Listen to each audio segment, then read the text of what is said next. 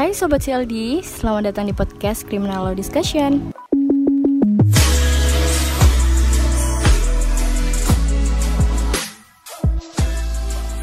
Halo, kembali lagi bersama podcast Criminal Law Discussion, tempatnya belajar hukum pidana.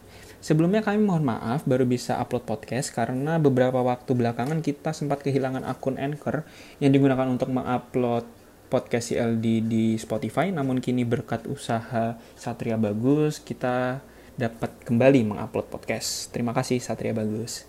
Oh ya buat sobat CLD di mana pun teman-teman berada atau kapan pun teman-teman mendengarkan podcast ini, Semoga teman-teman tetap sehat selalu dan dilindungi dari pandemi COVID-19 yang masih melanda Indonesia hingga detik ini. Berbicara soal kasus pidana, minggu lalu kita sudah mendengar vonis hakim yang menjatuhkan 12 tahun dan denda 500 juta subsidi air 6 bulan kepada mantan Menteri Sosial Juliari Batubara yang ter, yang terbukti kasus korupsi bantuan sosial. Selain pidana pokok yang dijatuhi, ada pula pidana tambahan berupa hak politiknya dicabut selama 4 tahun pasca dia menyelesaikan hukumannya. Namun ada juga yang menjadi sorotan publik yakni uh, persoalan alasan yang meringankan seperti alasan telah dihujat publik. Menurut saya sendiri, alasan dihujat publik tidak bisa diadakan di dalam putusan dengan dalih alasan yang meringankan, karena hal tersebut merupakan konsekuensi logik atas tindakan yang dilakukan Juliari Batubara, yakni korupsi bansos. Kita tahu sendiri di Indonesia ini, apabila seseorang melakukan hal baik, pasti akan dipuji. Sedangkan jika kita membuat kesalah, suatu kesalahan, tentu kita akan mendapatkan seperti hinaan, hujatan, bahkan caci maki. Itu sudah hal menjadi hal yang logik. Namun kita tidak akan membahas persoalan hal yang meringankan, kita akan lebih mendalami persoalan pencabutan hak politik terpidana kasus korupsi dalam perspektif hukum pidana dan hukum hak asasi manusia.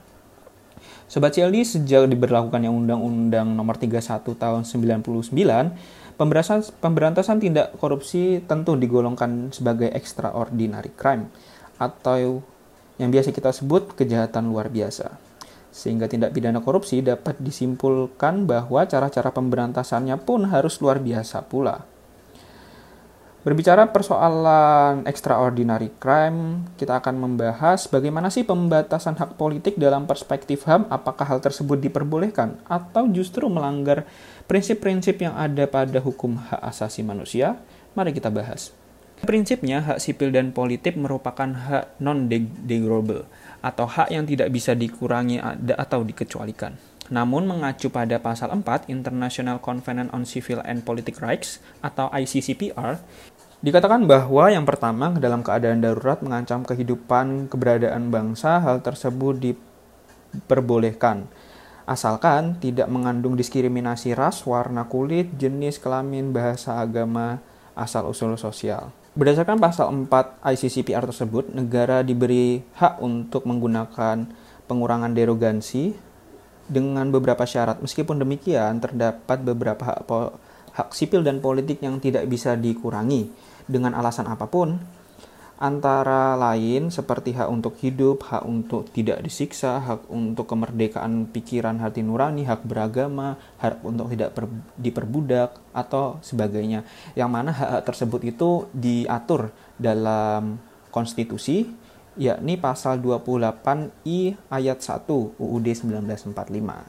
Sehingga dapat disimpulkan berdasarkan ICCPR ini terdapat hak-hak yang bisa dikurangi dan hak-hak yang tidak bisa dikurangi.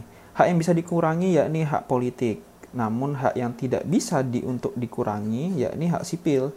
Seperti yang tadi saya sebutkan, ada hak untuk hidup, hak untuk disiksa, dan lain sebagainya. Kita akan membahas persoalan lain, yakni persoalan evaluasi dan prospek pencabutan hak politik terhadap terpidana kasus korupsi. Apakah itu lebih tepat atau justru malah seharusnya tidak dicabut ataupun seharusnya dicabut selamanya.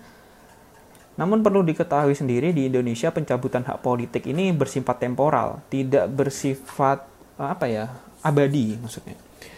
Menurut Profesor Mahfud MD sendiri, guru besar Universitas Islam Indonesia, hukum itu merupakan produk politik. Pasti teman-teman sudah tahu ini. Teman-teman pasti mendapatkan materi ini pada perkuliahan hukum dan politik ketatanegaraan. Oke, dapat disimpulkan bahwasannya menurut teori Mahfud MD ini sendiri, bahwasannya hukum itu merupakan produk politik atau yang biasa kita sebut legal policy, plot politik hukum. Nah, di antara beberapa kelemahan peraturan dalam pemberantasan tindak pidana korupsi masih diberlakukan cara-cara biasa dalam memberikan efek jerah suatu tindak pidana korupsi. Hukuman-hukuman yang diberikan pun cenderung dinilai ringan oleh masyarakat karena yang membentuk undang-undang sendiri itu merupakan Dewan Perwakilan Rakyat. Tentu mereka dapat diindikasi mencari jalan aman. Kalau kata Pak Artijo sih mereka cenderung cerdas dalam memformulasikan hukum. Semisal seperti contoh kita hukuman mati pada tindak pidana korupsi itu masih diberlakukan dalam pasal 2 ayat 2 Undang-Undang Tindak Pidana Undang-Undang Pemberantasan Tindak Pidana Korupsi hanya pasal itu saja dan itu pun dikaitkan dengan hal lain. Dalam hal ini dikaitkan dengan bencana bencana alam. Yang mana kita tahu sendiri bahwasannya tuntutan pidana mati oleh jaksa itu tidak ada. Bahkan Juliari Batubara yang saat ini korupsi bantuan sosial di uh, di bencana nasional pun masih dituntut 11 tahun dan hingga putusan dijatuhi 12 tahun bisa kita lihat seperti yang saya singgung tadi bahwasannya bahwa dalam penanganan kasus korupsi di Indonesia masih bersifat biasa-biasa saja. Kita bisa lihat bahwasannya vonis-vonis yang dijatuhkan pun justru belakangan ini cenderung dipotong seperti jaksa Pinangki misal ataupun kasus-kasus lainnya yang bahkan bisa kita lihat tidak ada kecenderungan penegak hukum ini untuk semangat memberantas tindak pidana korupsi yang luar biasa, masih biasa-biasa saja.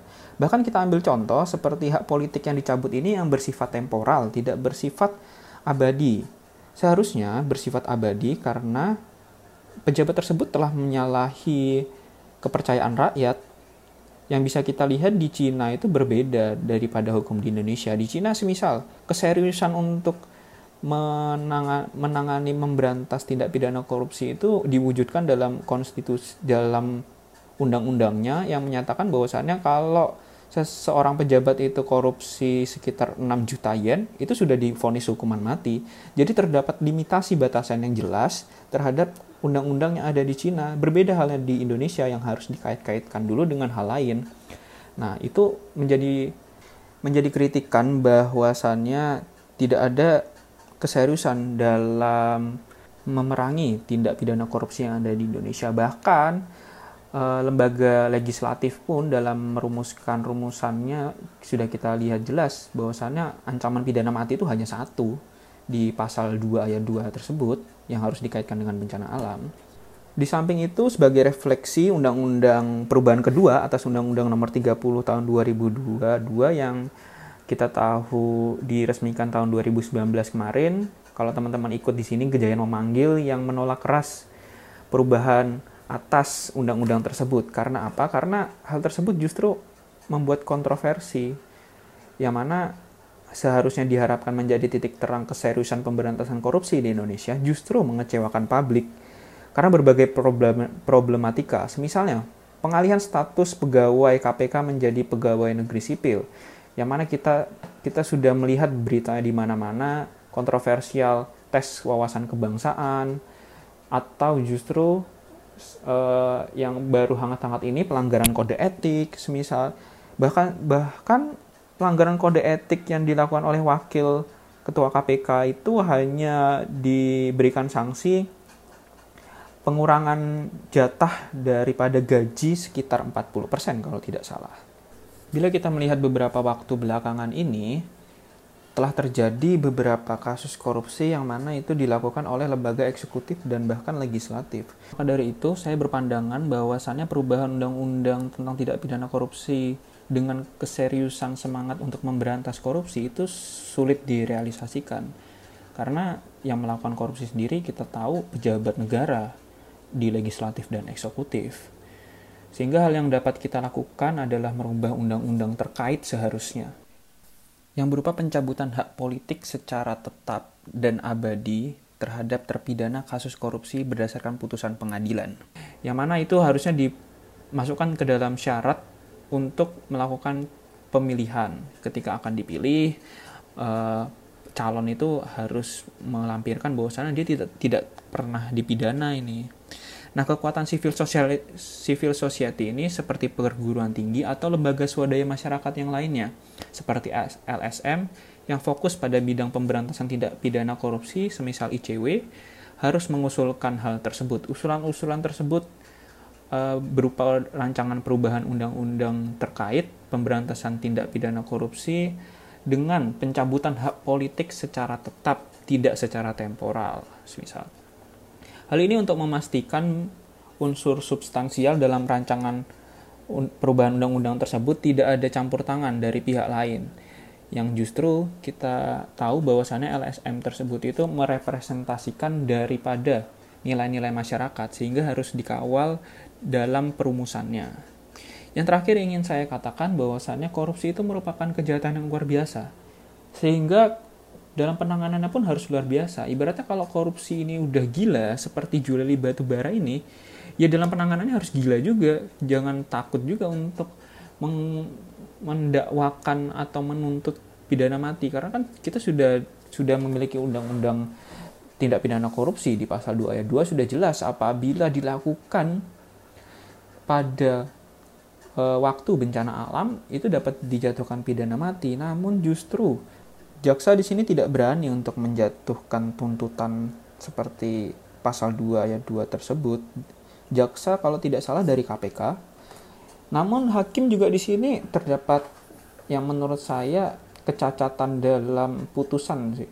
Yang mana putusannya ini dapat menjadi jurisprudensi yakni e, pertimbangan yang meringankan yang seperti saya e, singgung di awal tadi terdapat hal yang meringankan berupa hujatan publik. Yang mana hujatan itu harus harusnya udah konsekuensi logik lah. Orang kalau berbuat salah ya pasti dihujat. Siapa sih narapidana yang yang dia terpidana yang gak dihujat orang? Mesti setidak setidaknya dia itu dihujat oleh orang terdekatnya. Kenapa sih kamu ini kayak gini? Oh ternyata kamu tuh pencuri perampok gitu.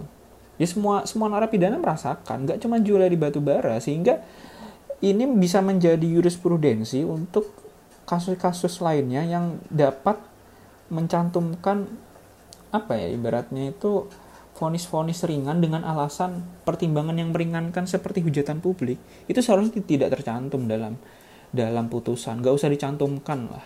Meskipun uh, putusannya itu ultra petita yakni melebihi daripada tuntutan jaksa selama 12 tahun yang mana jaksa sebelumnya menuntut hanya 11 tahun. Tapi tidak tidak usah dimasukkan dalam putusan yang mana nanti bakal menjadi kecacatan jurisprudensi kalau bahasa saya. Itu untuk teman-teman pada kesempatan kali ini, mohon maaf banget nggak banyak, tapi semoga bisa bermanfaat. Kita akan kembali lagi di podcast-podcast selanjutnya. Untuk request-request nanti teman-teman bisa DM Criminal Law Discussion, nanti kita akan bahas. Ataupun teman-teman mau berkolaborasi silahkan datang ke uh, rumah tempat belajar hukum pidana, nanti silahkan DM uh, kalau teman-teman mau main ke sini silahkan. Oke, sekian dari Criminal Discussion, tempatnya belajar hukum pidana. Sampai bertemu lagi.